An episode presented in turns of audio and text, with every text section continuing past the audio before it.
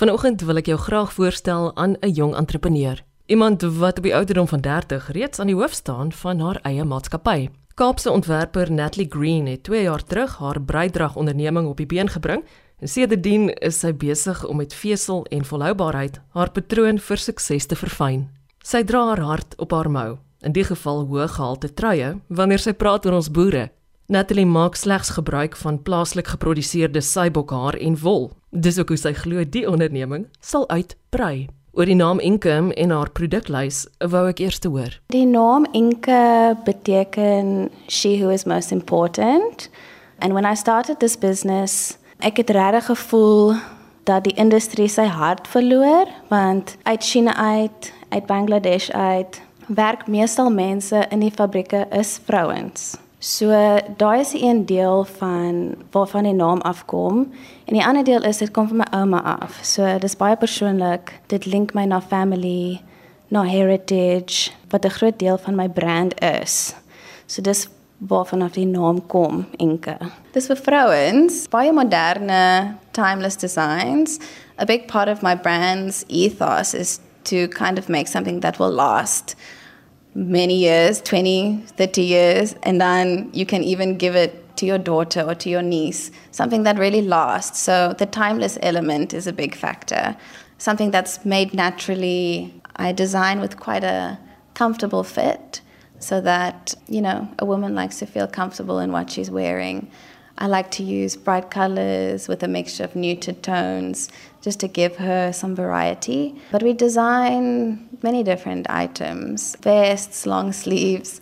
I might even do a mohair dress um, this winter. Ons het 'n nuwe knitted beret wat gaan uitkom en accessories. So the sky's the limit really with knitwear. That's the great thing. 'n Meisie van Malmesbury met 'n ongewone geboortedorp. Ek was eintlik gebore in Singapore. Toe trek ons Johannesburg toe, toe trek ons Malmesbury toe. So Malmesbury is eintlik waar ek vandaan kom. Ja, en dis 'n baie spesiale plek vir my. My ouers bly nog steeds daar. Ehm um, ek het nog steeds vriende daar, so. Na skool het haar wil om te ontwerp haar geneem tot waar sy haar grootste liefde ontdek het. Ek het ontwerp gestudeer by Elizabeth Galloway wat in Stellenbosch is. En daarna toe het ek in sourcing and imports. I started working for retailers, sourcing out of China, Bangladesh, and Mauritius, which is where I found my passion for knitwear. And I grew a great respect for the people that are behind the clothes and the chain and the story that's behind a garment that you buy, um, which is really important. Um, and that's why I decided to shift from that, from exports, I decided to shift to focus on home because we have so much potential here in terms of vessels, in terms of skills, in terms of you know the infrastructure. We have so much potential here, and I really wanted to focus my attention on that instead of outsourcing because I feel there's much more heart to that. And the people that work, the farmers that give so much love and passion for what they do, it needs to be recognized and needs to be promoted, especially locally because I feel South Africans, we're a very proud nation. And if we could get behind something so special and unique to South Africa, I think it's something definitely to work towards. Daar bestaan vir Natalie 'n groter doel in haar dagtake. I connect people. I add purpose to what I do. I design. My brand is actually just a vessel for the connections I'm trying to make and the story I'm trying to tell from farm to fashion to the end product. Because I think as time goes on dis wat mense wil hoor. Waarvan af kom my trui wie het dit gemaak? Waarvan dan kom dit?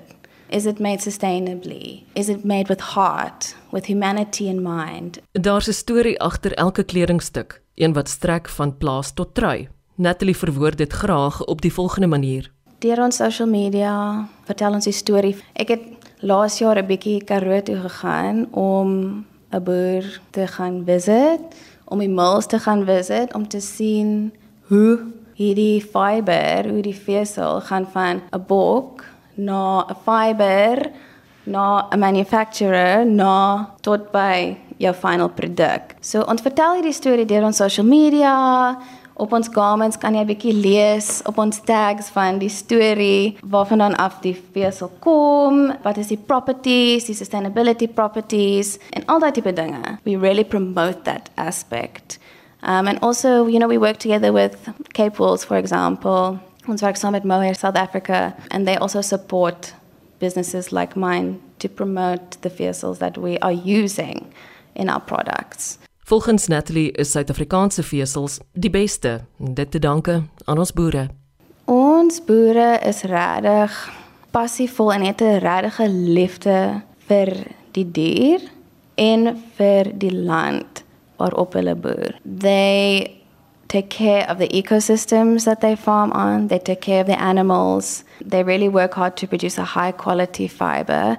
Ek meen ons bokhaar is die beste in die wêreld. Ons eksport 80% van die global bokhaar. Ek meen we are leaders in that. Ons boere weet regtig wat hulle doen en hulle deel met drought. They deal with other adversities. Maar hulle kom altyd bymekaar saam om mekaar te ondersteun en to carry on with what they're doing because it's a heritage, as I said, and it's a life passion. That's what I picked up when I visited the Karoo and I met with a few of the farmers. Ek dink ons land, soos die plante wat die bok eet, the stock of the animal is of a very high quality. Dis 'n generational ding. So ek dink die eerste Angora bok het in Suid-Afrika beland in 1863. It's something that's been tried and perfected for so many years and that's why we produce the best in the world. Glo dit of nie, die jong entrepreneur het haar onderneming gedurende Grendeltyd begin. Wel, ek het klein begin. Ek het eers aanlyn begin, so my overheads was nogals min. en ek was regtig lucky waar ek 'n paar mense ontmoet het in die industrie wat vir my gehelp het. Soos hierdie factory waar ek saamwerk. Hulle het vir my gehelp met my eerste paar ontwerpe van 'n finansiële aspek. So net om vir myself te begin en om te sien waar ek kan gaan as 'n besigheid. En dan ook my ouers. My pa was 'n groot supporter of my dream and believer in what I want to achieve. So ek dink daai twee aspekte het vir my regtig gehelp. Daar word gewoeker in die fabriek waar ek by haar besoek af lê. Om die hele proses gade te slaan is 'n unieke ervaring. Die vesels kom van Samel af. Dit is in PE gebaseer. Die jaan kom na ons fabriek toe hierso. Ons basies ons sit die jaan op die masjiene, ons ontwerp. So ek ontwerp elke styl. Ons doen 'n development, ons toets die kleure.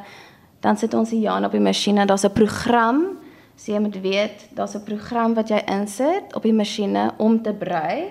Dan sit jy die cones, die verskillende kleure op en dan run jy die masjien. En jy knit to a pattern. You don't it's not like cut and sew. As jy sê 'n patroon uit 'n stukkie lap sny nie, jy knit to shape, to spec.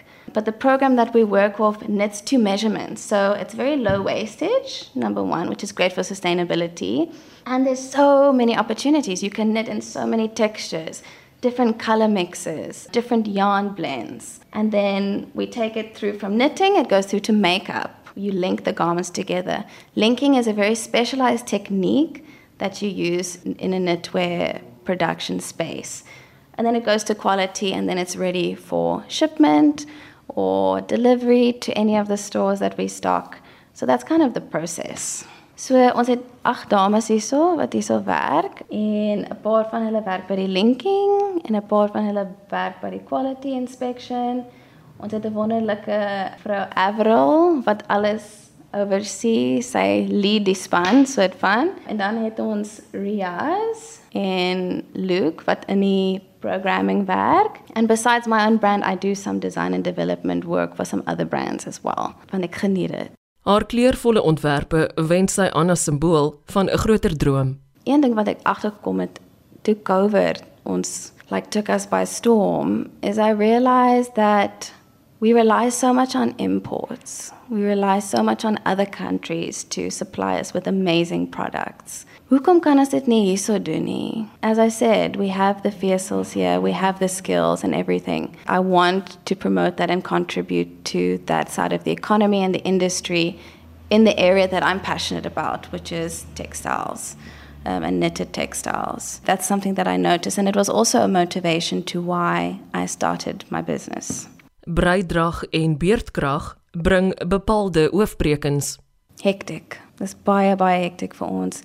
It slows production first of all en tweedens die kostes gaan net op. So om dit te manage is nogal hectic. Maar ons doen wat ons kan. I think the one thing about South Africans is that we're very resilient and we just make it happen. We do our best. Ons boere bly haar grootste inspirasie. Die absolute liefde vir die land, vir wie hy is as mens en om iets te doen met integriteit en om deur te druk en daai persistence en daai that sheer will to do something in spite of all the challenges that you face and the passion that goes into what you do, the pride. Ek glo as jy iets doen, moet jy dit doen met integriteit en pride in what you're doing. And for me, that's what what I saw in the farmers that I met, and that's what I took away from that. And I also felt a deep sense of heritage. And it's something so special to South Africa. It's about history and heritage and passion. And that is what I want to communicate through my business. Wanneer jy Natalie Green ontmoet, besef jy gou jy het te maak met 'n dinamiese besigheidseienaar. Haar werkswyse sluit onder andere in om die hele proses van boerdery na breidrag tentoon te stel. Ek wil weet wat nog op haar wenslys staan. So vir my besigheid wil ek graag kyk ons is nog baie klein, maar ek wil graag it sounds very simple but I would like to expand a little bit more into the country so that we're more present in more spaces so that people can hear our story more.